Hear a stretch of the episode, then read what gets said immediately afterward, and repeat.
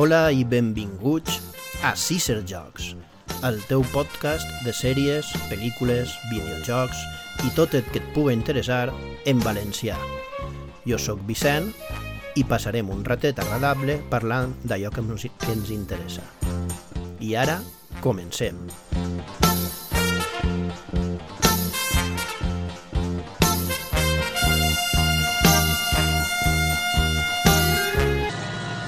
Doc, no hay bastante carretera para alcanzar los 140 kilómetros por hora. ¿Carretera?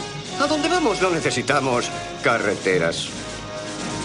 Molt buenas a tots i benvinguts una volta més a Caesar Jocs. Sí que ha sigut un temps sense estar en vosaltres, però degut a problemes tècnics i problemes personals, doncs no podia, no he pogut gravar antes.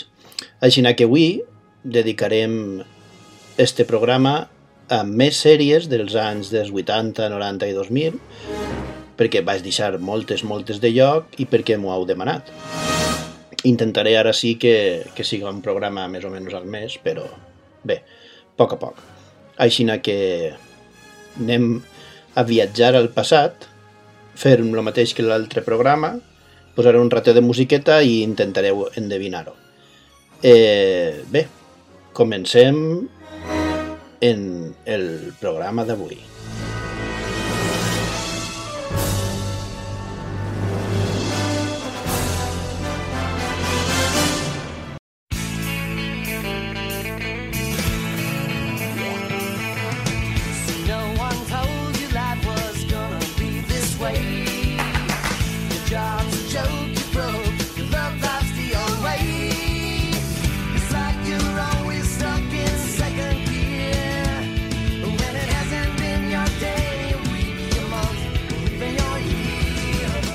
Doncs sí, avui comencem en la millor sitcom, la millor sitcom que s'ha fet mai a la història de la televisió. Bé, per almenys la meva opinió, eh? La sèrie és, com heu pogut endevinar, Friends. Sí, eh, o Col·legas, com es dia la primera temporada així en Espanya. Eh, en fi, la sèrie pues, eh, tracta de sis amics que viuen a, a Manhattan, en Nova York, i, i pues, pues va pues això, de, de les seves vides. Eh, gent jove, d'uns 20 i pico anys, que pues, comença un poc o, o la vida, manté ahí la vida. La sèrie comença, eh, bueno, són, són sis personatges, estan eh, Mònica, Ross, Chandler, eh, Joey, Phoebe i Rachel. Eh, en este moment, quan comença la sèrie, eh, comença en això, en Rachel entrant en el bar on estan eh, tots els demés, i bé, és la més, és la que s'uneix a última hora, és amiga de, de Mònica de l'institut i, i bueno, pues ahí comença, comença tot. Deu temporades, eh, es va començar a, a emitir el 22 de setembre del 94 i l'últim va ser eh, el 6 de maig del 2004. Creada i produïda per Martha Kaufman i David Crane, he de dir que a hores d'ara encara trauen diners d'esta sèrie, tant els actors com, com els productors, i a Espanya va ser emitida per Canal Plus. Vale? Tant en obert com en codificat, que aquella època estava codificat. Esta sèrie va ser eh, molt famosa, és, bueno, van, tindre, van fer una cosa molt bé, que és que la van llevar a temps, és a dir, van saber quan posar el final a la sèrie, aunque estava en lo alt, no, van, no la van exprimir, entonces la sèrie ha deixat, ha deixat unes, unes ganes de veure-la sempre molt, molt grans. Eh, bé, una de les característiques d'esta sèrie és que va ser una desfilada de cameos de famosos, perquè al principi igual no, però després de la segona temporada tot el món volia eixir en Friends. Entre ells molt famosos com Bruce Willis en aquella època, o Julia Roberts, o, o un muntó. Eh, teníem actors recurrents que eixien de volta en quan. La més famosa és Janis. Oh, Dios mío, eixa Janis. Eh, que com a dato curiós diré que era, crec que era la dona del productor o d'algú de la sèrie, i els actors no sabien quan ella eixia. Sobretot en l'últim capítol, que eix ella, quan estan en la casa i ella no sabien els actors. Les reaccions són, són genuïnes perquè els actors no sabien que hi eixia. Entonces estava molt bé. Eh, la seva fase era molt coneguda i la veu molt penetrant. Però bé, eh, una altra cosa molt important de la sèrie és l'amistat que tenien els actors fora de la sèrie. Els, els protagonistes, aunque molta gent es queixava entre cometes de que era com un grup tancat, eh, ells negociaven junts i tot ho feien junts. És a dir, cobraven exactament tots el mateix, independentment de la seva fama, i pues, pues, això va fer que, que uns que no eren tan famosos cobraren molt més de lo que deurien o de lo que cobrarien si no hagueren fet això. La veritat és que estava molt bé i, i pues, pues això fa molt poquet es va fer en HBO Max la, la retrobada de, de Friends, així com una reunioneta en un programa especial on van eixir tots, van veure el festival del Botox i tot això, i bé, és una sèrie que es recorda molt bé i la gent li agrada molt, per lo tant té molt de tiró. Eh, per això, la mala notícia, o com un dato així un poc trist, va ser que l'actor que fa de Gunther eh, va morir fa poquet de càncer. Després del retrobament, ell va eixir en videoconferència, per això, perquè a part del Covid pues, estava l'home un poc fotudet i, i va faltar. D'esta sèrie també hem de dir que es va fer un spin-off de Joey, que va tindre dos o tres temporades, però tampoc va ser molt, molt més. I, ja està. He de dir que en lo dels cameos està molt bé perquè Bruce Willis, per exemple, es diu que va aparèixer en la sèrie perquè ell era amic de, de l'actor que feia de Chandler, de Matthew Perry, i, i van apostar i va perdre Bruce Willis i, i la, la penitència va ser que tenia que eixir en, en Friends i mira, li va aprofitar per guanyar premis i tot. Una gran sèrie. Una gran sèrie que si no heu vist jo vos recomane. Teniu que mirar-la en l'època que es va fer, però o sigui, en, en els ulls de l'època que es va fer, perquè té bromes i coses que avui igual es podrien considerar un poc mm, fora de lloc, però, però bé. La veritat és que és molt la gran sèrie i jo cada volta que la veig eh, disfrute d'ella. Així que espero que ho feu vosaltres també.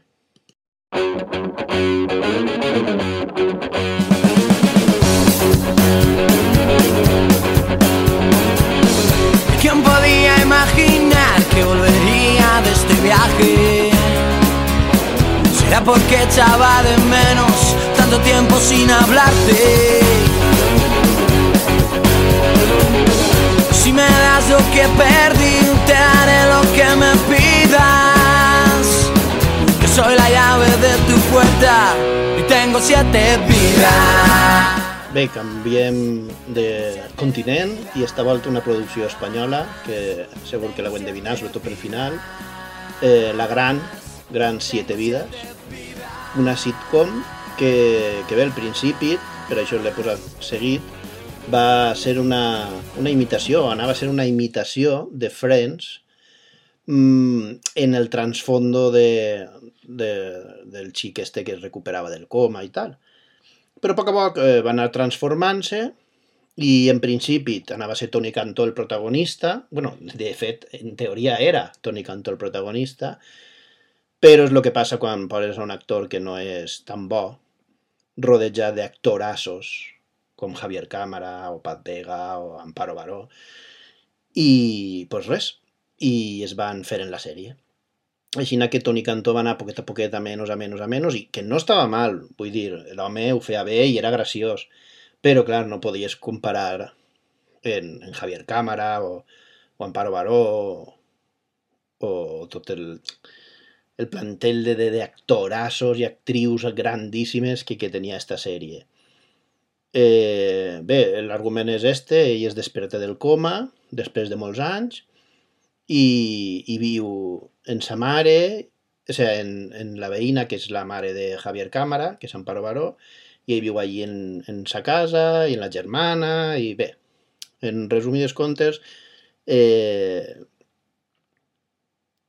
pues això, ell està allí vivint i està enamorada de, de Paz Vega, que és el seu amor de, de sempre, que viu també en la germana, eh, bueno, la germana que és Blanca Portillo, també una actriu impressionant, poc a poc van añadir nous personatges com l'actor que feia de Gonzalo eh, y sobre todo la gran, la gran Carmen Machi, el descubrimiento de Aida, que després tindria un spin-off, una gran sèrie. Eh, eh, esta sèrie va començar a emitir-se en gener del 99 en Telecinc i s'acabà en l'any 2006. El, eh, van tindre per això una gran desfilada d'actors, personatges principals molt bons, cameos, eh, jo que sé, per exemple, el Frutero, que era Santi Rodríguez, eh, actors molt bons de comèdia. Eh, en este cas, la cançó de capçalera està en principi composta per Emilio Aragón i la que hem sentit és una versió que va fer el Canto del Loco. Però... Però, vamos, està... Està escrita per, composta per Emilio Aragón. Eh, una de les grans eh, conquestes d'esta sèrie, una de les grans punts a favor que te va tindre esta sèrie, és que en el capítol 200 eh, van voler fer pues, un poc trencar eh, lo que era la sèrie i, i en el capítol 200 van eixir tots els actors de la sèrie, però la, la cosa especial que tenia el rodatge d'esta sèrie, d'este capítol, és que era en directe. Es va emetre conforme es gravava, entre cometes, o sigui, era en directe. Era com si estigués ben teatre, però en la tele, era en directe.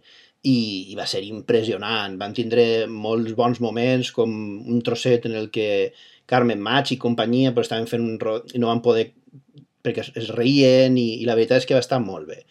Van eixir molts... Mm, tots els personatges principals, van... impressionant. Va ser una gran sèrie. Lo mal d'esta sèrie és que no van saber fer-ho com Friends i la van estirar massa. I al final pues, la gent ja es va cansar. Però bueno, la sèrie és, és impressionant i, i jo la recomano molt. Eh? De, de fet, de volta en quan la posen en l'FDF i això i, i val la pena.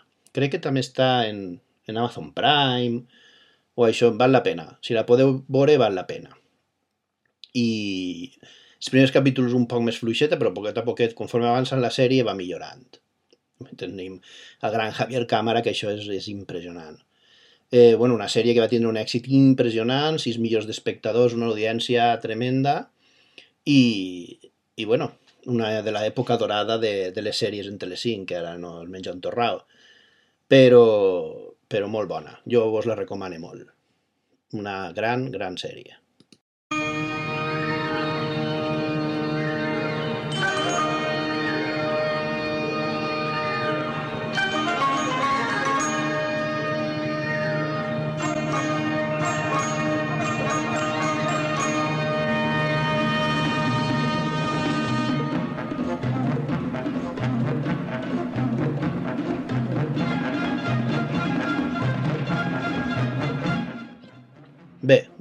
Igual s'heu quedat un poc estranyaets i estranyaetes perquè això no era una sèrie de ficció tal qual, era una sèrie de documentals. Val, eh, el gran Félix Rodríguez de la Fuente en El hombre y la tierra, ¿vale? el home i la terra. Eh, una gran, gran sèrie de documentals sobre la fauna ibèrica impressionant, impressionant. Jo la recomano molt, eh? La recomano molt si vos agraden els documentals, si vos agraden... No sé on podeu aconseguir-la, no sé si està, es pot veure en algun puesto, igual en la en l'aplicació de, de la televisió espanyola bajo demanda, no ho sé. Però val la pena, eh? eh és que va ser impressionant. Bé, va començar a emitir-se en primer moment el 4 de març de 1974 fins juny del 81. Eh, S'ha reposat moltes vegades en la 2, sobretot, i, i bueno, va marcar un antes i un després eh, a l'hora de fer documentals. Vale, constava de tres grans blocs, de tres grans blocs de la fauna ibèrica, eh, que es va rodar a Cine Espanya, eh, una que es va rodar en Venezuela, un altre que es va rodar en Canadà i un altre que es va rodar en Alaska.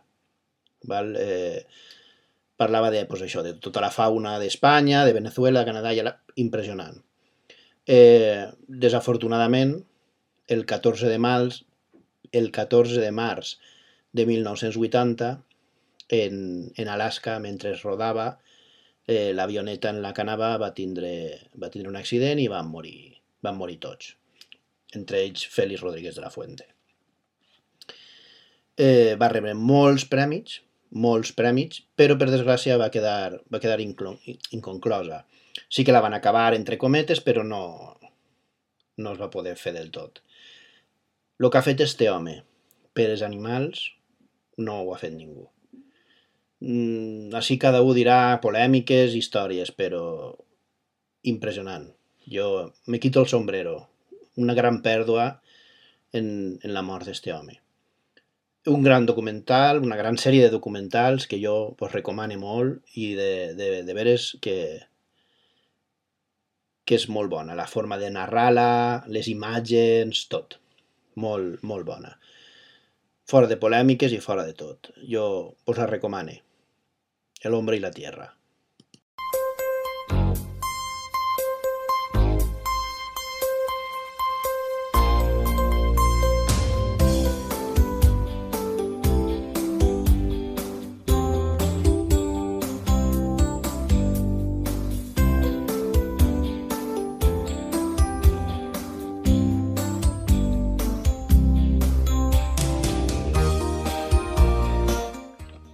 Bé, esta era un poc més difícil, una gran sèrie eh, protagonitzada per l'actor Neil Pat Patrick Harris.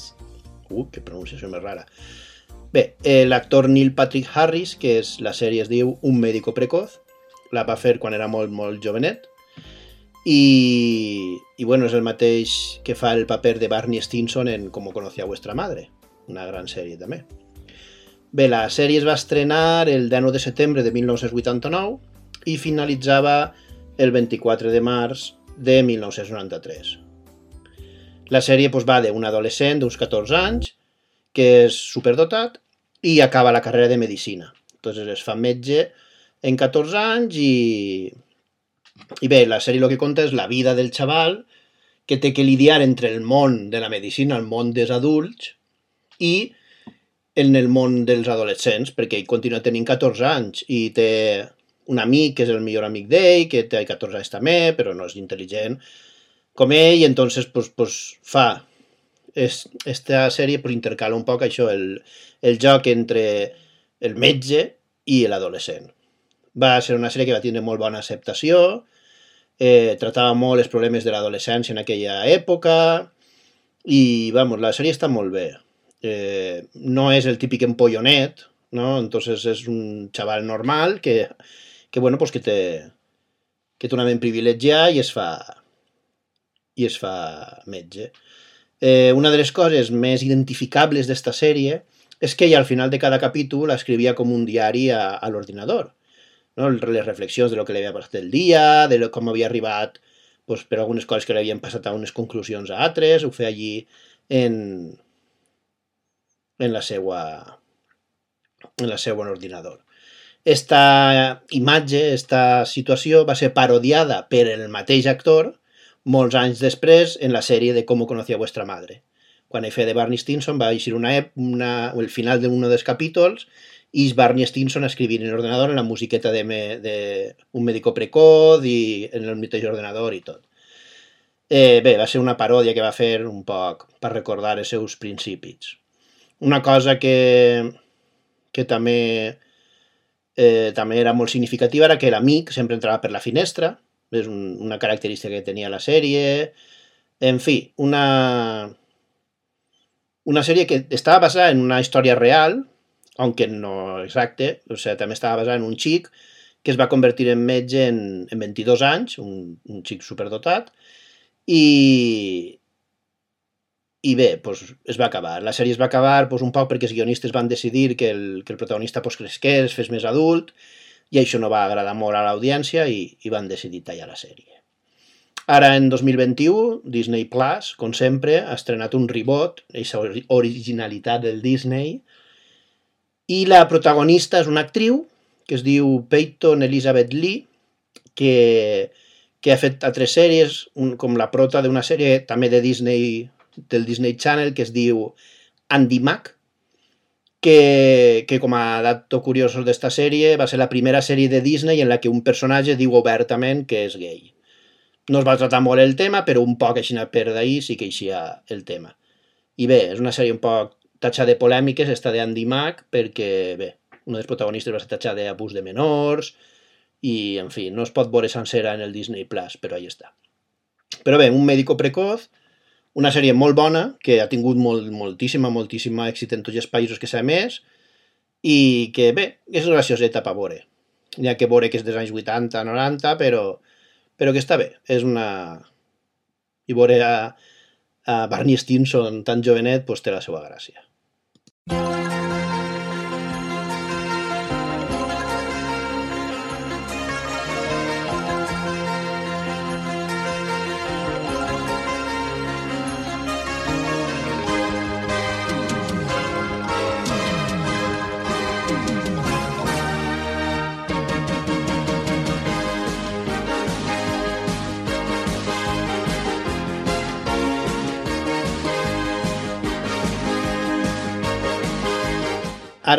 Parlarem un poc de la sèrie MacGyver. Una sèrie creada el 1985, protagonitzada per Richard Dean Anderson, mare, quina pronunciació tinc jo, Richard Dean Anderson, ja a aquestes hores.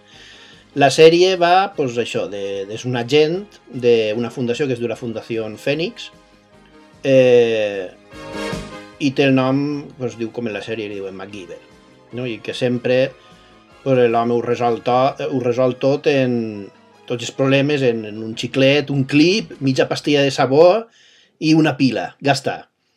Eh, bueno, en fi, el tio és super intel·ligent i és mig ingeniero, fa en quatre coses, el fa una bomba i coses així, no? Eh, la gràcia de la sèrie en aquell entonces era això, que feia en quatre coses, el feia ahir unes barbaritats impressionants. Eh, algunes coses sí que eren de veres i vam aprendre con les bombes de salfumant i coses així, però bueno. La sèrie va durar uns set anys i un dels atractius és que la música eh, està creada per Randy Endelman i és que és un dels creadors de la, de la banda sonora de l'último Moicano. O sea, la sèrie estava molt bé, val? per l'època, en un bon protagonista perquè l'actor és bo i era un poc fantàstica perquè feia coses que pues, no es podien fer de veritat, però algunes coses sí. I la veritat és que estava bé. Eh, la sèrie va tindre molt d'èxit, eh, sobretot perquè el tio improvisava, improvisava algo per, per sortir del, del problema que tenia, o sigui, l'actor no, sinó el, el personatge, tenia un problema que estava en una situació molt rara i en quatre coses, un poquet de lejía, un poquet de no sé què, el feia una bomba i obria una porta o el que fora. Era en plan com en el A, ¿no? Sempre el tancaven en un puesto on n'hi havia ácido clorhídrico, un chicle, un clip i un hilo de cobre. Però bueno, la veritat és que estava bé. L'home sempre duia la seva navaixeta multiusos i en això feia de tot l'home, perquè anem a... I bé, però esta, esta sèrie, esta navaixa, la navaixa suïssa es va fer molt famosa gràcies a la sèrie, eh? O sigui que molta gent se la comprava perquè era la navaixa del MacGyver. I bé, una sèrie pues, entretengudeta, molta acció i, bueno, per l'època ja el dic que estava molt bé. Eh, pues això, va tindre molt d'èxit, així pues, pues la veiem tots, no? Més d'una vegada intentàvem fer coses, crec que feia ell, el dic, lo de les bombes de salfumant sí que va funcionar, però perillós també. Però bueno, una sèrie que al fi i al cap era el que era. Acció, entretinguda i, i ja està. Al 2016 es va fer un, un remake, un reboot de la sèrie, però ja no va tindre tant d'èxit. Massa modern, massa tecnologia. En aquell entonces la gràcia, li passava com en el cotxe fantàstic o en sèries d'aixina, que la gràcia radicava en que no n'hi havia tanta tecnologia i es podien fer moltes coses en quatre xorrades i això impressionava, però avui en dia, clar, si avui en dia tens que piratejar, és el que impressiona és que tens que piratejar, tens que veus una missió impossible, que et trau una careta de no sé què i entonces ja no era el mateix. I no, crec que ara la posen, no sé si en el, en el Energy, en un canal d'estos de Telecinco, d'Antena 3, de sèries i... Bé, però no, no, ja no va ser el mateix. La sèrie, pues ja vos dic, ara pues igual la veu i dieu, va, per favor. Però bé, per l'època estava molt bé, va tindre molt d'èxit i la veritat és que Bé, veure així un capítolet o dos està bé. Feia el que, lo que prometia, entretindre i poc més. Una sèrie que, bé, l'època molt bé, ara crec que he envellit molt mal. Però sí que vos recomano veure algun capítolet per saber de què va. Thank you for being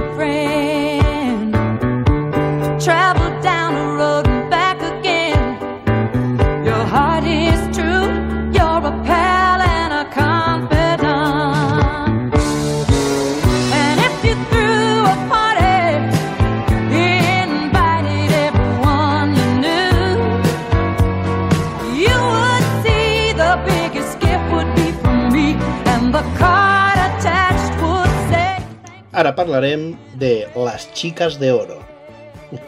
Sèrie creada al 1985 i que va finalitzar al 1992. Eh, bueno, la sèrie eren pues, tres amigues que machuchones ja, que viuen juntes. Una és la coherent i la sèria, l'altra és la lligona semininfòmana i l'altra és la inocente, que era Rose, la inocente. Eh, de, el primer capítol se'n va viure en la mare de, de una d'elles, de Dorothy, i que és ja una abuela, abuela, abuela, abuelíssima, però és la canya d'Espanya, l'abuela. I nada, i, i és la vida d'elles, pues, pues, ventures i desventures de, de les xiques d'oro. Eh, bé, una sèrie molt, amb molta fama, la, molt ben acceptada, pues la, era pues, la típica sèrie per passar el ratet, i, i bé, molt bé. És una bona comedieta de l'època, clar, i, i bueno, una de les curiositats d'aquesta sèrie és que a totes les protagonistes es van donar l'Emmy a la millor actriu en diferents anys, però totes es van endur l'Emmy, és que totes el mereixien, perquè eren genials totes. Eh, hasta fa molt poquiu i per desgràcia quedava una del reparto que era Betty White, que va morir una setmaneta o això antes de poder complir els 100 anys, però aquesta dona donant guerra, eh? Donant guerra. O sea, impressionant. Era una, una persona volgudíssima en Estats Units, estava fent una sèrie última, preparant la seva festa de cumpleaños dels 100 anys per tot lo alto, tenia una energia i una cosa... Perquè per vosaltres penseu-se que fa pues, 40 anys quasi de la sèrie i allí ja tenien elles 40 i molts. O sea, 50 algunes, o sigui, o més. Entonces, pues, i era l'única que quedava del reparto i, i va fer molta pena quan es va morir perquè eh, la gent la, la volia molt, molt. I bueno, és que tenia molta canya, en 100 anys l'abuela quasi, eh? O sea, perfecte. Ella és la que feia de Rose, era Betty White, i ja vos dic, és que era genial. I bueno, no té molt més la sèrie. Dir-vos que una sèrie que ara està en el Disney Plus, i mira que pronunciació, Disney Plus, perquè no, no Disney Plus, eh? I bueno, pues això, que la sèrie molt bé. Mm, Per passar el rato. Pues mira, pues igual pa ta abuela o pa ta mare, pues eh, es recomana. Pues no sé, o pa també, pa ta mare, pa ton pare. Pot ser. Bé, una sèrie que es pot veure, algun capítol, però bé, els rius en, en les xorrades que soltava Rose i, i en l'abuela, en, en l'abuela sí que era tremenda. Però bueno, vos la recomane veure algun capítolet, a veure si vos enganxa.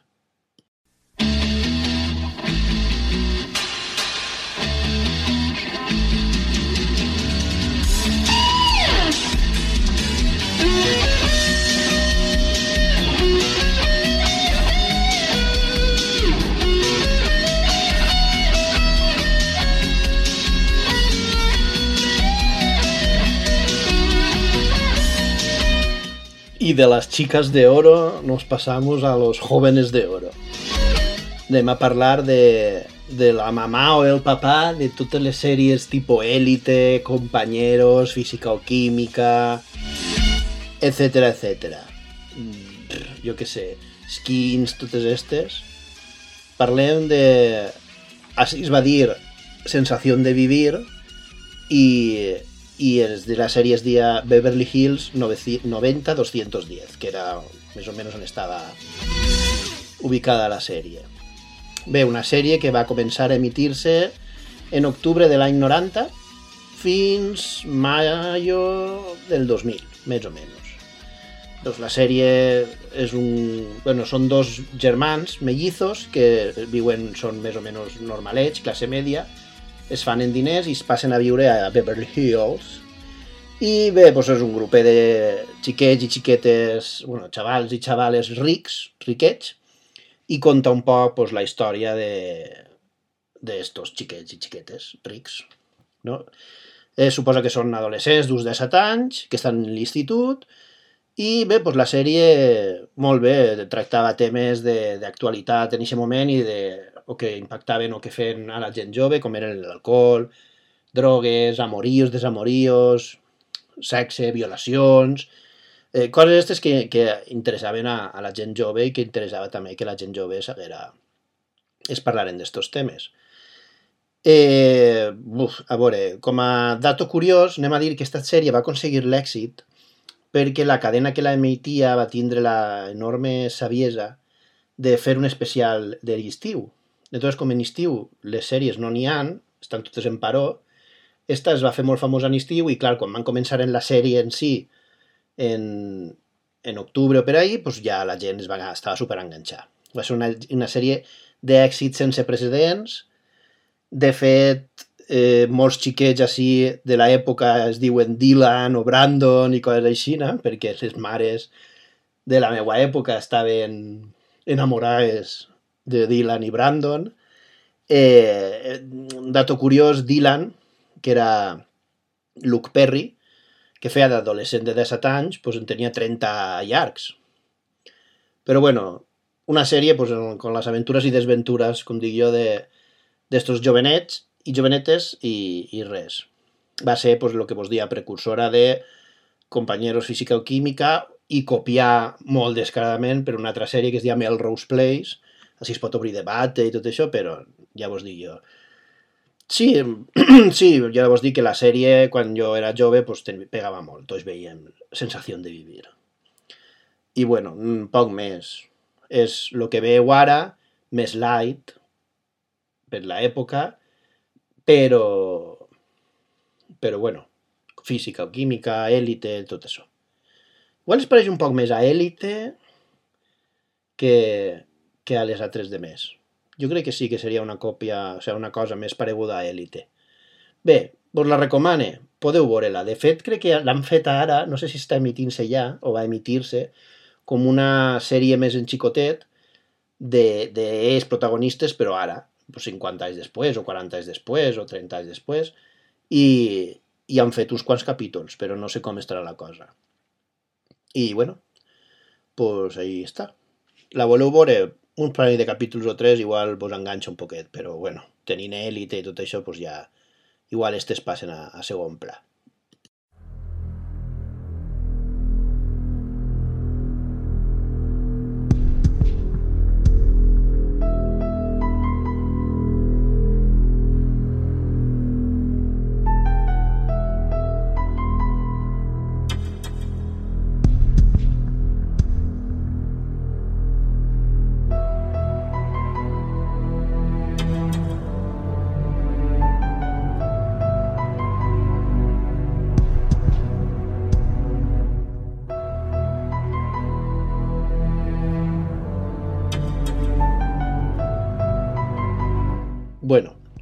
Esta és possible que vos hagi pillat un poquet, val? perquè és un poc més difícil. Però és una gran sèrie, aunque ja és de finals del, és en la, dels anys 2000, però tenia que, que parlar d'ella precís. Eh, és la gran sèrie espanyola Motivos Personales. O sigui, una revolució de sèrie de l'època dorada de Telecinco que, que per favor recuperar i sa qualitat en les sèries tindria que ser... Bueno, és una sèrie de misteri, suspens, emitida l'any 2005 i bé, la sèrie, doncs, n'hi ha un assassinat, assassinen una xica en, en un ball d'una farmacèutica molt important i són uns laboratoris farmacèutics. I culpen a, al, al marit de la prota, que és Lídia Bosch, i y ella es periodista y ella entonces es posa en cuerpo y alma a demostrar la inocència de, del seu home. Eh, he de dir que, que la sèrie és... O sigui, ja va donant-se compte de la trama i de coses que no vaig a contar-vos res per si la voleu veure perquè de veres jo vos la recomane molt, eh? Si vos agraden les sèries de misteri i tal, eh, si no heu vist res d'esta sèrie, no heu sentit anomenar res, saber qui era l'assassí i tots els motius que, que arranca esta sèrie és inter interessant, interessant. Eh, pf, ja vos dic que impressionant, eh? o sigui, ens tenien a tota Espanya elucubrant i fent teories de qui era l'assassí, pues jo crec que és este o esta, jo crec que és l'altre o l'altra, jo crec que l'home sí però no, després descobries que no, l'últim capítol que havies vist havia deixat en que sí, que sí que era este i de repent, pam, no, no era ixe. Molt bona, molt bona. Va ser una de les, de les demostracions de que el drama en les sèries espanyoles podia fer-se, que no només fem sèries de comèdia, que sabien fer sèries drama, sèries de suspens, sèries d'intriga molt bones, que després han demostrat els nostres guionistes en, en pel·lícules o en sèries com en La Casa de Paper i tot això. Vull dir, sabem fer sèries bones en cine Espanya, molt bones. Tenim actors i actrius impressionants, perquè ja vos dic que el plantel d'actors, impressionant. Tots, eh? I totes. I, i bueno, he de dir que en l'època, en esta sèrie, Lídia Boix va dir la, la, una frase que es faria molt famosa en l'època, en una escena molt, molt intensa, ella es gira i, i diu aquesta frase de és mi vida la que està en l'aire. I aquesta escena va ser molt parodiar, molt feta, molt... perquè la sèrie, ja vos dic, va ser de molt, molt èxit. I ahir Lídia Boix va demostrar que, que va passar de, de ser azafata del 1, 2, 3 a ser i demostrar que era una gran, gran, gran actriu. Jo ho havia demostrat en Médico de Família i tal, però així ho va demostrar més. I bé, poc més. Ja vos dic, no vos vull dir molt d'esta sèrie perquè qualsevol cosa seria fer un spoiler. Molt gran, molt bona sèrie. Jo per lo menos la recorde en molt bona qualitat. I, i bé, quan sapieu qui és l'assassí, aneu a flipar en colors. Jo vos la recomane, vos la recomane molt. Si vos agraden aquest tipus de sèries, d'intriga i tot això.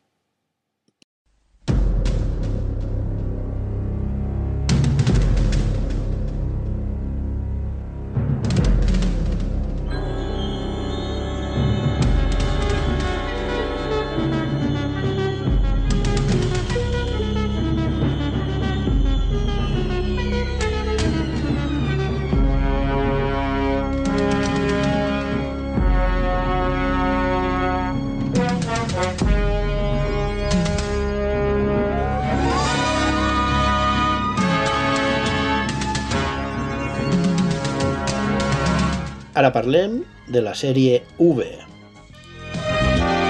Una espectacular sèrie emitida entre els anys 1983 i 1985. Eren capítols, jo diria com a minissèries, una minissèrie, no? Vull dir, no eren capítols de 20 minuts, eren llargs, eren una pel·lícula tallar trossos, podríem dir-ho així. I bé, era una sèrie molt vanguardista pel moment i anava de, bueno, un dia perquè sí, apareixen unes naus extraterrestres en el, en el cel, enormes, unes naves nodrizas, i són, pues això, extraterrestres que venen a visitar-nos, los visitantes, de ahí lo de V, aunque també està lo de V de vendetta i tot això, però bueno. I, i venen amb bones intencions, comillas, comillas, ¿vale? Eh, I cara de bons amics, claro tot molt bonico, mos ofereixen tecnologia, cura, per moltes enfermetats, ah, que bons són els visitants. I, bueno, doncs després hi ha gent que munta com una rebel·lió, que, que intenta que, que, no, que es donen compte de deberes, que la humanitat es doni compte de que no són tan bons. I, efectivament, en el temps es donen compte de lo que és la realitat. I la realitat és que, que son como es polítics, ¿no? No son tan buenos como parecen. En campaña todos son boni- cosas bonitas y después, pues esto es lo mateix. resulta que la cara que tenen no és la d'ells de deberes i en realitat són reptilianos. Són reptilianos, són lagartos, i el que volen és menjar-se als humanos. ¿vale? Són una, una raça que acaben els recursos naturals del seu planeta, se'n ve així, i pampa humanos. Bueno, pues esta sèrie eh, va ser impressionant per a l'època i una tecnologia i uns efectes que per una sèrie i des anys 80 pues, pues molt bons, eh? molt bons. Un argument molt bo, actors molt bons, la veritat és que és una gran sèrie.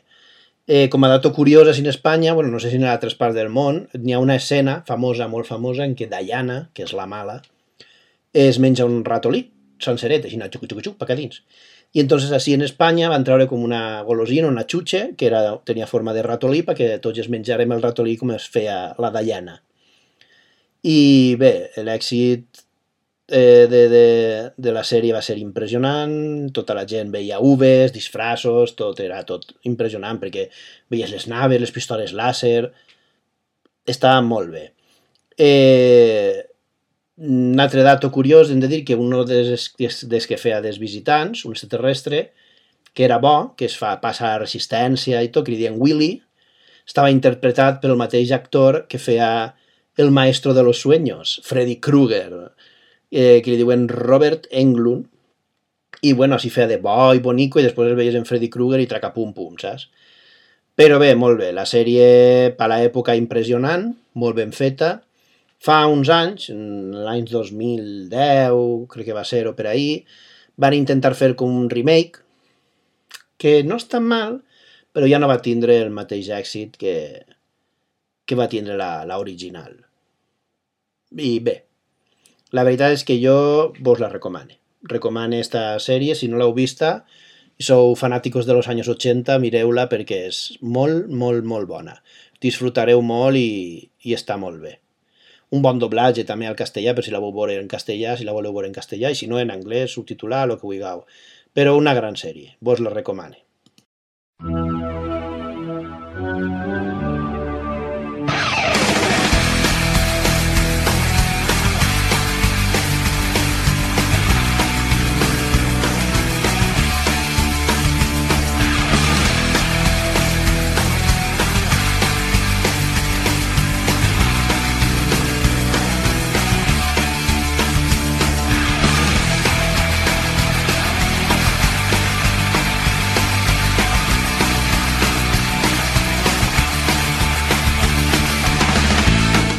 Continuem amb Buffy.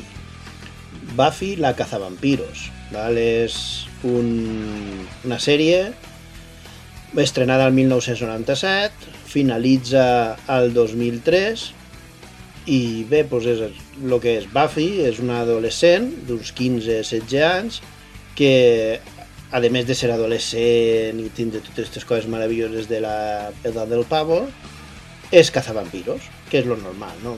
Vull dir, tu quan t'has alçat pel matí t'has descobert que a més de tot ets una casa vampiros, doncs això. El total que se'n va viure un poble, casualitat, que està ple de vampiros, ple de dimonis, i tot lo roïn passa en aquest poble, casualitats de la vida, i, i pues això. I bé, el que passa és que ella vol ser pues, un poc normal. Vull dir, anem a intercalar entre matar vampiros i anar-me de festa en el novio. Per això és el que vol ella. Val, eh, és una sèrie que està prou ben feta per l'època, dona un tono molt molt irònic, de risa, comèdia, així, sobretot al principi, després sempre s'embruten aquestes coses.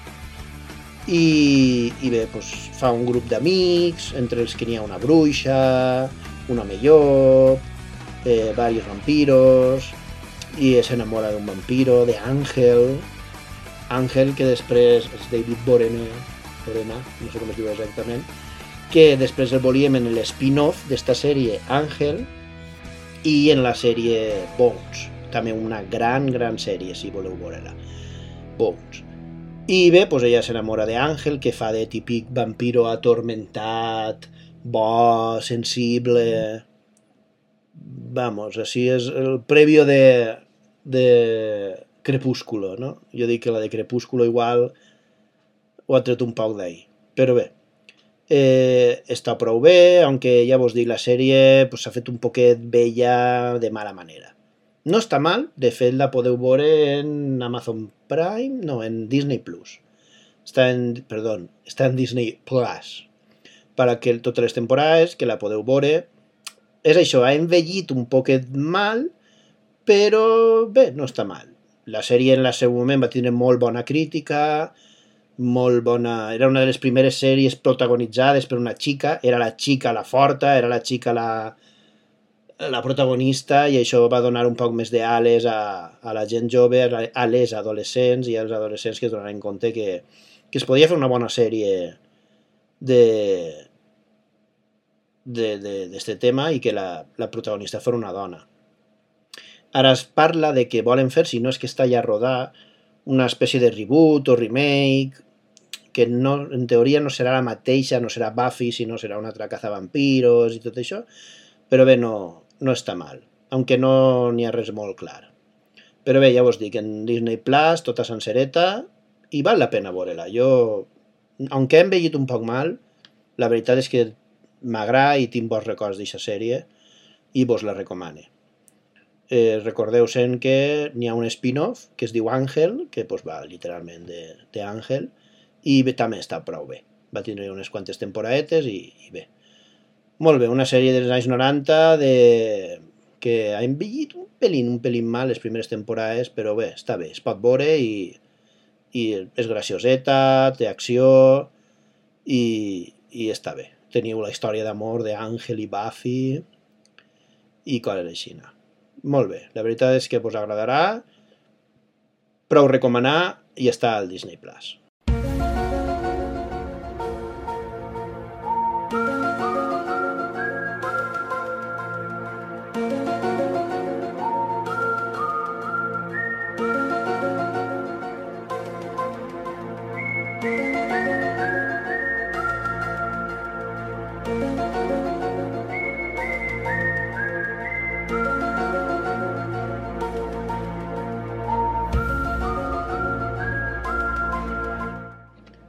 La verdad está ahí fuera.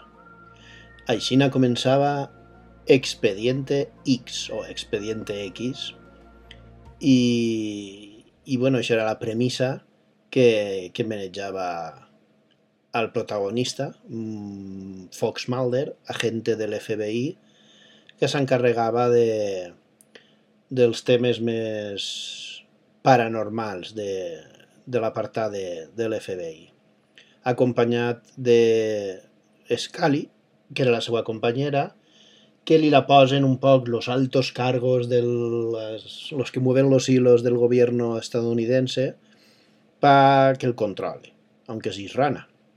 Ella és la escèptica, la científica, ell és el que s'ho creu, el que creu en tot, el que té... I tot comença perquè els, o segons ell, els extraterrestres abduïxen a, a la seva germana i ell comença des d'ahir una cruzada per pa descobrir què li ha passat a la seva germana. Val? Eh, una sèrie que fou estrenar l'any 1993, un grandíssim èxit, de fet jo me'n recorde que tots els dilluns per la nit, perquè la feien els dilluns per la nit, crec que en Telecinc, no me'n recorde, Allí estàvem, jo em feia el meu bocata d'hamburgueses que em feia ma mare, jo tindria per això 11, 12, no, 13 anys tenia, 13, 14. I es posàvem a veure Expediente, Expediente X, ma mare i jo. Mon pare solia treballar, este feia aquest turno de nit i, i veiem ma mare i jo i eh, la meva germana Expediente X. Molt bona sèrie, va tindre molt, molt bona acollida, eh, va guanyar molts prèmits, mm, ja vos dic que de fet s'ha fet una temporada ara, fa poquet, que està prou bé, totes les temporades crec que estan, si no en Amazon Prime, en Disney Plus, però ara no exa sé exactament dir-vos, crec que és Amazon Prime. I, i és una sèrie que vos recomane. N'hi ha que veure-la un poc en le, les creences de l'anys 90 i això, però, però molt bé, jo vos la recomane i, i té una història molt intrigant. dins de l'argument de cada capítol està bé i a part té un argument general que va així de volta en quan i, i bé, moltes corrupcions, moltes mm, coses rares, eh, està molt bé. Vos la recomane. Expediente X.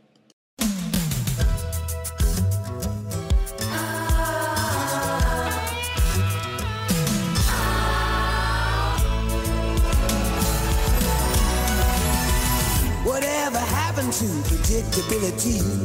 The milkman, the paperboy, evening TV.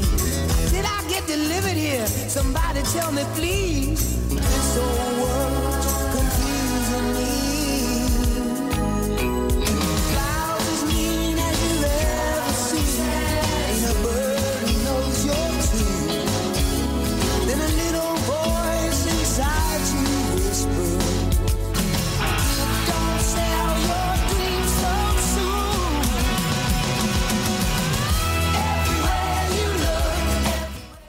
Fuller House, o, bueno, Full House, Fuller és spin-off. Full House o, o Padres Forzosos, com es, es va conèixer així en, en Espanya, eh, pues fou estrenar l'any 1987 fins l'any 1998. 8 temporades, uns 192 episodis i una fama impressionant, però impressionant. De què anava esta sèrie? Pues esta sèrie era un, un home, una família en el que la dona mor, mor, crec que és un accident o càncer, i el pare pues, queda soles, queda soles en tres xiquetes, una d'uns 12 anys, una d'uns 6 anys i un bebè. Entonces, per ajudar-lo a, a cuidar a les xiquetes, pues a sa casa va el germà de, de la dona que és morta, o sigui, el seu cunyat, i el seu millor amic. El cunyat, que és el tio Jesse, és el típic motero, rockero, vividor, guapo, ligón... I l'amic, que és Joey, eh, pues és, el, és comediant, eh, fa imitacions, és, és un xiquet, un xiquet gran, no? Entonces, pues, els tres eh, fan com un equip ahí per, per cuidar les, les nenes, les xiquetes. I, i bé, pues la sèrie va d'això. Eh, D'ací, d'esta sèrie, va eixir les famoses gemelas Olsen, les hermanes Olsen, que feien de Michelle, la xicotigua, el bebè, que quan va acabar la sèrie pues, ja era majoreta. I cal destacar d'això que te- feien, feien un tàndem, bueno, feien, perquè eren dos actrius, feien un tàndem molt bonic en l'actor que feia del tio Jesse, perquè es notava que n'hi havia moltes hores allí, que pues, la xiqueta pues, el volia. I, i bé, pues, la sèrie va d'això, pues, la, la vida de, de, de les tres persones, aquestes pobretes, cuidant de les xiquetes pobretes més encara, i poquet a poquet com van creixent i donant-se compte de, de lo que tenen que fer bé i mal, i van passant els anys. La veritat és que la sèrie està molt bé. Eh, Danny Tanner, que és el pare, és molt d'abraçar, molt de carinyo, molt toc de la neteja, molt... Eh, Jesse és lo contrari, eh, Joey va por libre, i, i és, és, la sèrie està molt bé, el rius molt, n'hi ha que veure que és dels anys 80, no? 80-90, però està molt bé. Com a dato curiós, diré que la que fa de, de J és la germana de l'actor de Los problemas crecen, de Kirk Cameron, que parlarem després d'esta sèrie. I, i que també ix en, la, en Padres Forzosos, perquè va ser una sèrie molt famosa. I també tenim un cameo del conocido Steve Urkel, que va també molt de xicotet. Vull dir, este, totes aquestes sèries s'entrelaçaven perquè eren dels mateixos eh, estudis i, i tal i qual. La veritat és que és una sèrie que està molt bé. La podeu veure tota sencera en Netflix, està en Netflix tota, i Netflix, que va adquirir els drets fa poc, bueno, fa uns anys, va fer una, una continuació. Una continuació que esta sí es dia Fuller House. I en castellà era Madres Forzosas. Perquè el que passa és que DJ està casada en un bombero que, de apellido Fuller, d'ahí lo de Fuller House, i, i bé, eh, este home mori, és bombero i en un accident mor. i se'n van a viure en, en DJ per ajudar-la a criar a seus tres fills de 12, 6 i un bebè, superoriginals. Eh, la germana, que és Stephanie, que és una bala perduda, DJ, eh, festera, lligona, que no té... és un culo inquieto, i la amiga, que és Kimi Giddler, que si la, en la sèrie, bueno, és impressionant, i és, pf, és especial, digue-m'ho així. És com, el, com Joey, és una xiqueta més. I, I el que passa, la diferència està en que Kimi du una filla, que té l'edat del major de DJ, val? té uns 12 anys també, i viuen tots junts en eixa casa. Eh, claven a més personatges i la sèrie, bé, està bé, si es pot veure, és entretengudeta, tira molt de, del recordat, perquè en el primer capítol, per exemple, ixen tots els, els actors que havien eixit, inclús en, en Padres Forzosos, quasi acabant la sèrie, en l'any 95, 94, tio Jesse es casa en, en una xica i tenen besonets. Pues també ixen els besonets que ara en eixa edat tenen pues, 20, 20 i pico anys, m'enteneu? I la veritat és que està, està bé. Es pot veure, és gracioseta i, i bé, és més de lo mismo. Com a nota un poc trista, hem de dir que l'actor que feia de Danny Tanner, un gran comediant, un gran actor, va morir fa un anyet i, i bé, doncs va haver commoció perquè era un actor molt boigut, va morir doncs, de causes naturals, suposa, i, i bé, va estar molt... va ser molt trist. I, i bé, la veritat és que vos, jo, sí, és entretengudeta, ¿vale? és la típica sèrie pues, es- americana de los años 80 i després esta pues, tira molt de, de recuerdo, tira molt de gags, de, de remember, però està bé. Per passar el ratet, sí, un parell de capítols, això, igual vos enganxa. En Netflix, Padres Forzosos i la continuació, Madres Forzosas.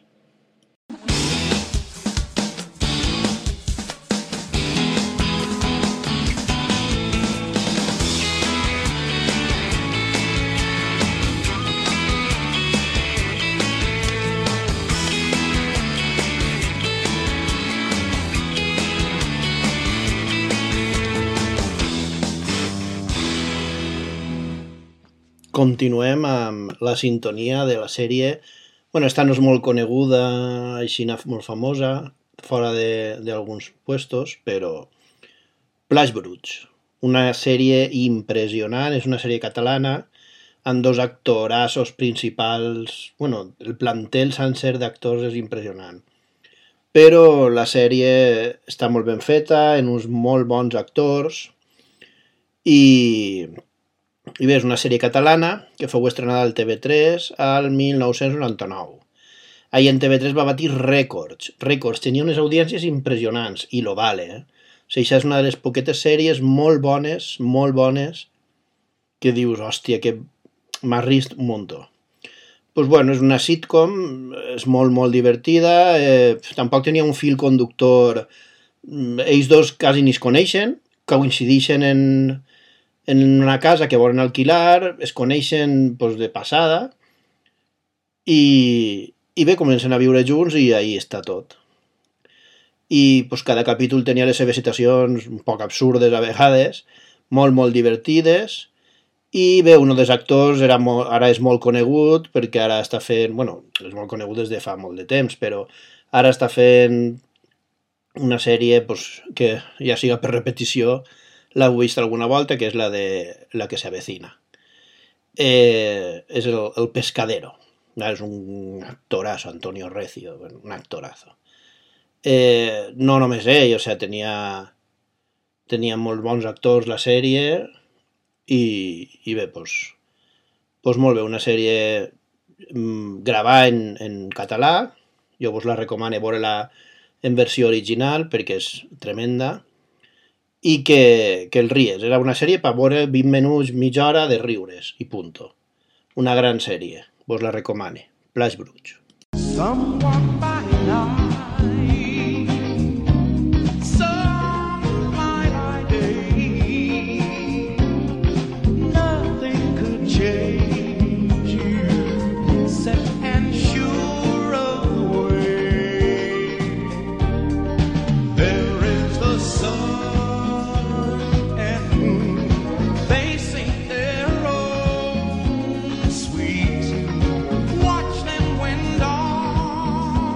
una sintonia molt especial, la sèrie Luz de Luna. Bueno, una sèrie emitida entre els anys 1985 i 1989. La sèrie que, que va posar en la ola de la fama a Bruce Willis, bueno, que comptava també amb Sybil Shepherd, eren... Bueno, la sèrie anava que eren... Ella és una supermodelo que pues, ja entre tant anys entre cometes pues s'ha de retirar. Entonces decideix montar com una agència de detectives. I s'associa en Bruce Willis, que és el típic detective mujeriego, bueno, de los años 80, ¿no? Eh, en la sèrie es diu... Bueno, l'agència de detectives es diu com un xampú que ella anuncia i, bueno, així es, es va traduir tot com a luz de luna. I, bueno, pues és una sèrie que mescla pues, un poc eh, la comèdia, la tensió típica de les sèries de detectives, l'amor, un molt bon guió, molt bon guió, i el que més donava a la sèrie era la tensió sexual, que ara es du molt també, que era clar que tot el món volia que ells dos es liaren, però no acabaven mai de, de liar-se. Entonces això van, van arrastrar-ho durant molt, moltes temporades. És una molt bona sèrie, en uns actors tremendos, Bruce Willis, Sybil Shepherd, que és, és una còmica molt bona, una actriu molt bona en general, però feia molt bona comèdia. En fi, una sèrie de los años 80, pues pa veure un poc a Bruce Willis en sus inicios. Molt bé, el rius un rato i està molt bé. Tenim a la famosa eh, senyorita Topisto, que era la secretària, i la veritat és que molt bé. A mi em va agradar molt i vos la recomane. Luz de luna. Don't waste another minute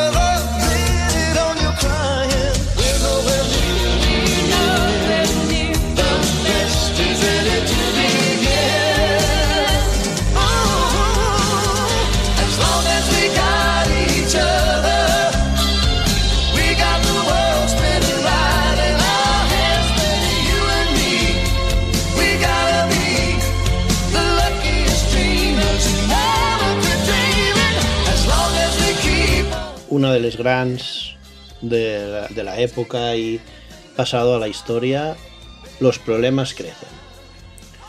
Eh, emitida en l'any 1985 fins l'any 1992, pues, mm, conta l'argument, o sea, la vida de la família Sieber. Eh, pues, un matrimoni típica a l'American de l'època, en un germà gran, una germana mitjana i el xicotet. Vale, el gran és un bala perduda i mal en els estudis, la mitjana és la superintel·ligent que farà, serà científica o alguna aixina, i el xicotiu és pues, un poc més l'olvidat i el listo de la vida, però gamberret també, però no intel·ligent en plan universitat. Bé, una sèrie, pues això, eh, contava les aventures i desventures d'esta família, clavant en cada capítol pues, problemes de l'època, de problemes dels adolescents, problemes dels xiquets, problemes dels adults... La veritat és que estava molt bé, el ries un rato, el germà major, que era el Kirk Cameron, todas loquitas por Kirk Cameron, i era Mike Siever, que era per això, era un bala perduda, en la vida real germà de la de J. Tanner, que era la que feia Padres Forzosos, DJ en, en Padres Forzosos, i eh, esta sèrie, quasi al final de la sèrie ja, al final de les temporades, és la sèrie on va debutar un molt jovenet, molt jovenet, Leonardo DiCaprio. Val, que feia el paper que feien quasi tots sempre, pobret, que era el xiquet de la calle, que al final la família pues, adopta. No? I, I bé, pues, Leonardo DiCaprio, quan era molt xicotet. I no té molt més, és una sèrie per això que es basava un poc en, en contar lo bueno y lo malo de la família típica a l'American i el ries un rato. I ja està, no té molt més. Una sèrie pues, que no ha envellit mal, es pot veure, sí, Lo únic que, pues, que té, pues això, de los años 80. Però bueno, si veure a Leonardo DiCaprio en sus inicios, ahí el teniu, al final de les temporades. Una bona sèrie, pa veure, per lo menos alguns capítols. Los problemas crecen. Yo y el mundo.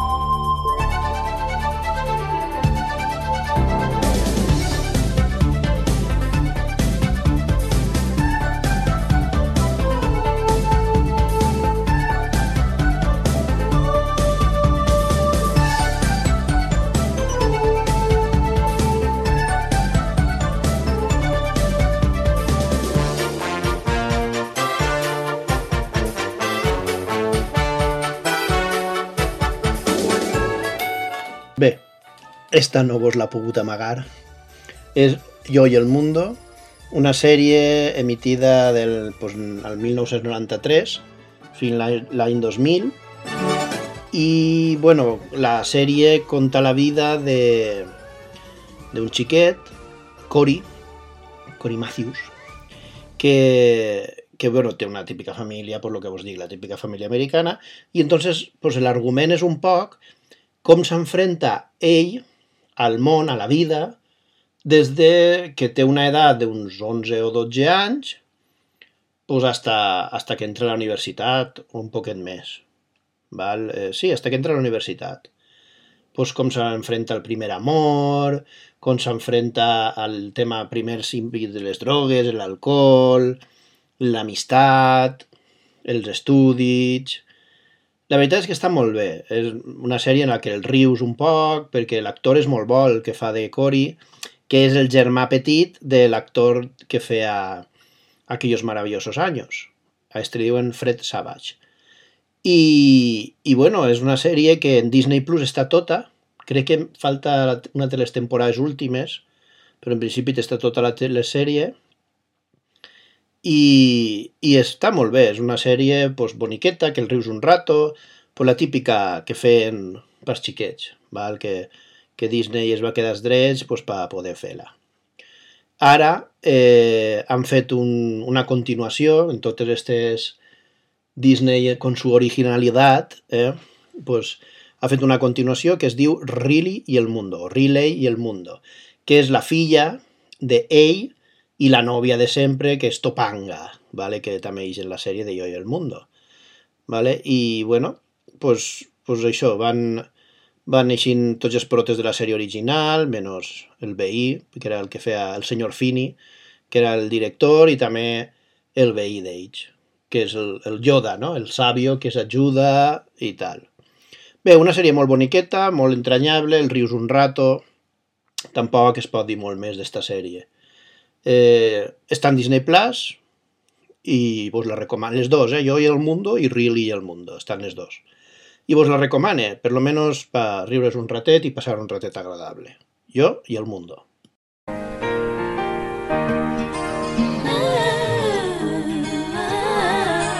Como un cielo abierto cuando nadie lo esperaba. Como esa palabra estremece a mi razón. Desde la otra orilla del río que nos separa. Cruzaste nadando a prestarme el corazón. Te has ganado a pulso, siempre atento a cada gesto. Sabes, no te fallaré. Somos compañeros. Anem acabant ja amb una de les grans, de les potentes, Compañeros. Val? Una sèrie espanyola, precursora en Espanya de sèries com Física o Química i tal, i és una sèrie que es va estrenar el 25 de març de 1998, produïda per A3 Player, o sigui, per Antena 3 i per Globomedia, una de les grans productores que ha fet sèries impressionants com El Águila Roja o Motivos Personales o, o, Siete Vidas, psico- Médico de Familia, etc. Bueno, emitida en Antena 3, d'això, des del 25 de març de 1998 fins al 16 de juliol del 2002. Això va ser l'últim capítol. Bé, doncs la sèrie convertida en un fenomen de masses. Eh, narra pues, la vida un poc dels estudiants i professors del Col·legio Institut Azcona. Vale, un col·le eh, concertat, diguem-ho així, que pues això, que en principi te centrava un poc en les relacions sentimentals, la gent jove, els professors... Però, bueno, poquet a poquet es van donar compte de que n'hi havia que... que era un referent per la gent jove, un referent, i que n'hi havia que començar a parlar de coses sèries. Drogues, alcohol, violència de gènere, eh, diversitat, eh, lesbianes... En fi, la veritat és que intentava tocar tots els palos de, de una de l'actualitat que teníem en aquest moment. Val? Eh, va, es va no sé, es va convertir en un fenómeno de masses. Va, tota la gent estava enamorada de, de Kimi o de Valle, que era Eva Santorària, eh, i Antonio Hortelano, que era Kimi, ja el dic, van ser... Puf, eh, los, los, per això, los Kirk Cameron de l'època, o, tots volíem, estàvem enamorats d'ells.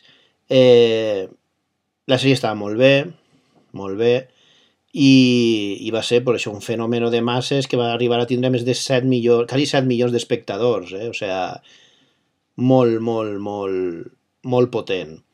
Eh, va ser tan, tan, que es va fer, quan es va acabar la sèrie, van fer com, va ser de les primeres, precursores en moltes coses, van treure una, una pel·lícula que es va dir No te fallaré, que és un poc la vida d'ells després del, del col·legi, no? de l'institut i tal, quan ja eren un poquet més majors, aunque la van treure prou... encara no s'havia acabat la sèrie, com aquí que diu, i la veritat és que va estar molt bé. Vale. Va tindre després com una... les últimes temporades actors nous, que uno desprota era el que fa de Águila Roja després, David Janer.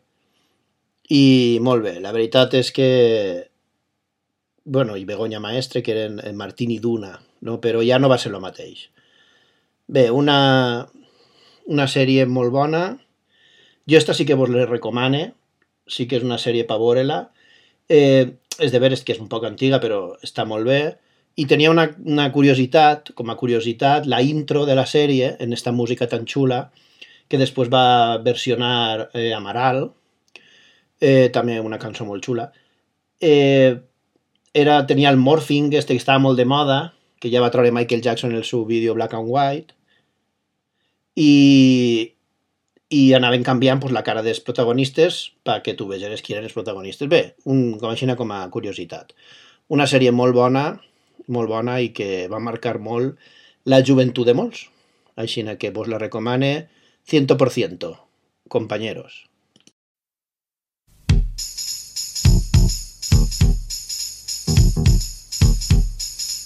El príncipe de Bel Air. Ahora escucha la historia de mi vida, de cómo el destino cambió mi movida sin comerlo ni beberlo. Llegué a ser el chuleta de un barrio llamado Bel Air.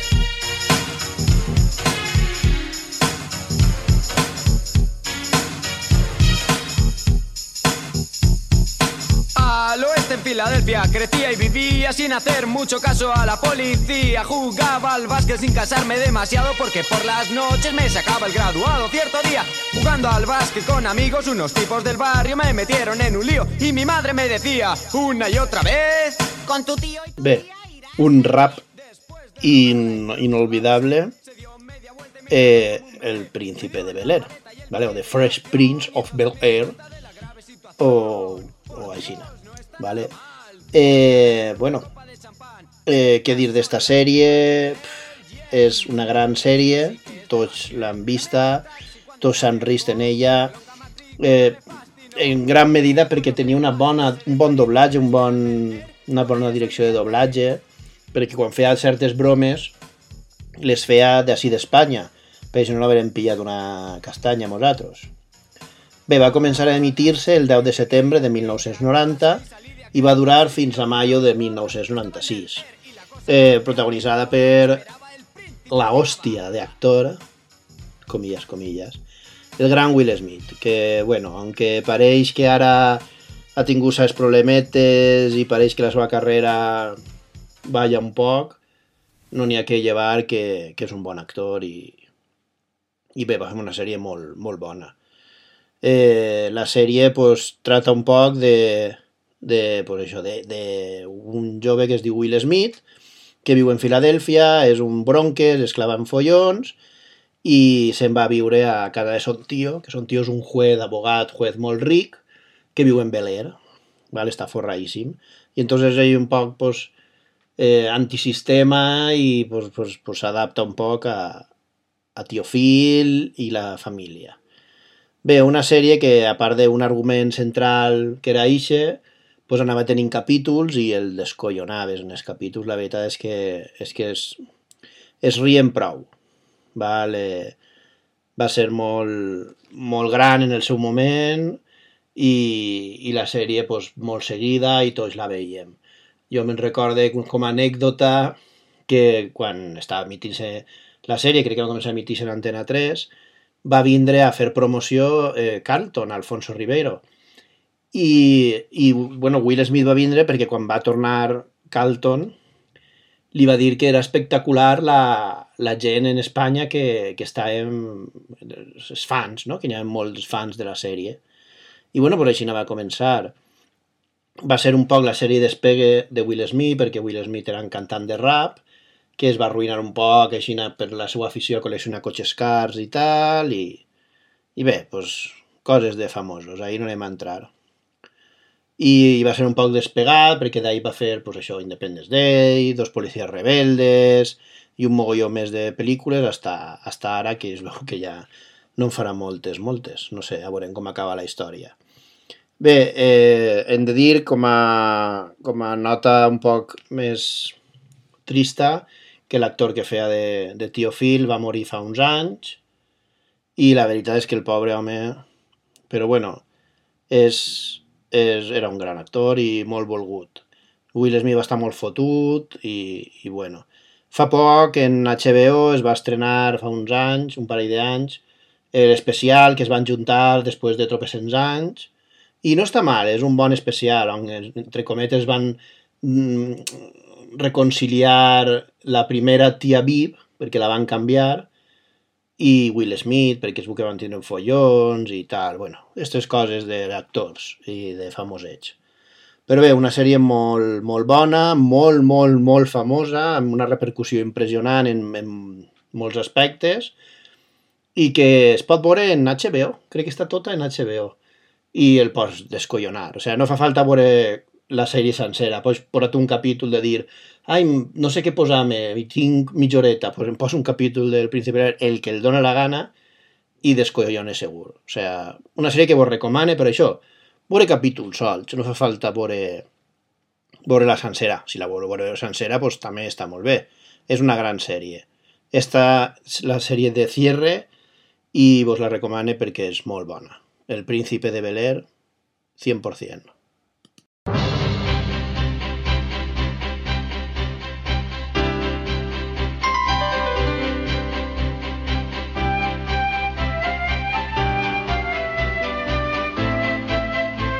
Bueno, pues hem arribat al final d'este podcast. He de dir-vos això, que sé que feia molt de temps que no publicava, però per diversos problemes personals i tècnics no ha pogut ser. Intentaré reprendre en la medida de lo possible. I bé, pues poco más. S'han deixat, com sempre dic, mogolló de sèries, n'hi ha infinites sèries de l'època dels 80-90, però bueno, anirem d'ací un temps farem un altre unes quantes més, ja veurem però bé la frase que vam dir en l'últim podcast la de hazlo o no lo hagas pero no lo intentes lo dice el gran maestro Yoda en el Imperio contraataca val? i ho diu a Luke Skywalker quan li té que traure la nave de l'aulla i bé la frase de esta volta així. El ayer es historia, el mañana es un misterio, pero el hoy, el hoy es un obsequio, por eso se llama presente. Bueno, en el pròxim podcast veurem de quina pel·li és i, i ja està. Moltes, moltíssimes gràcies per escoltar este podcast. A vosaltres un abraç i, i ja ens sentirem en el pròxim programa. Repetisc un abraç a tots i totes i fins la pròxima.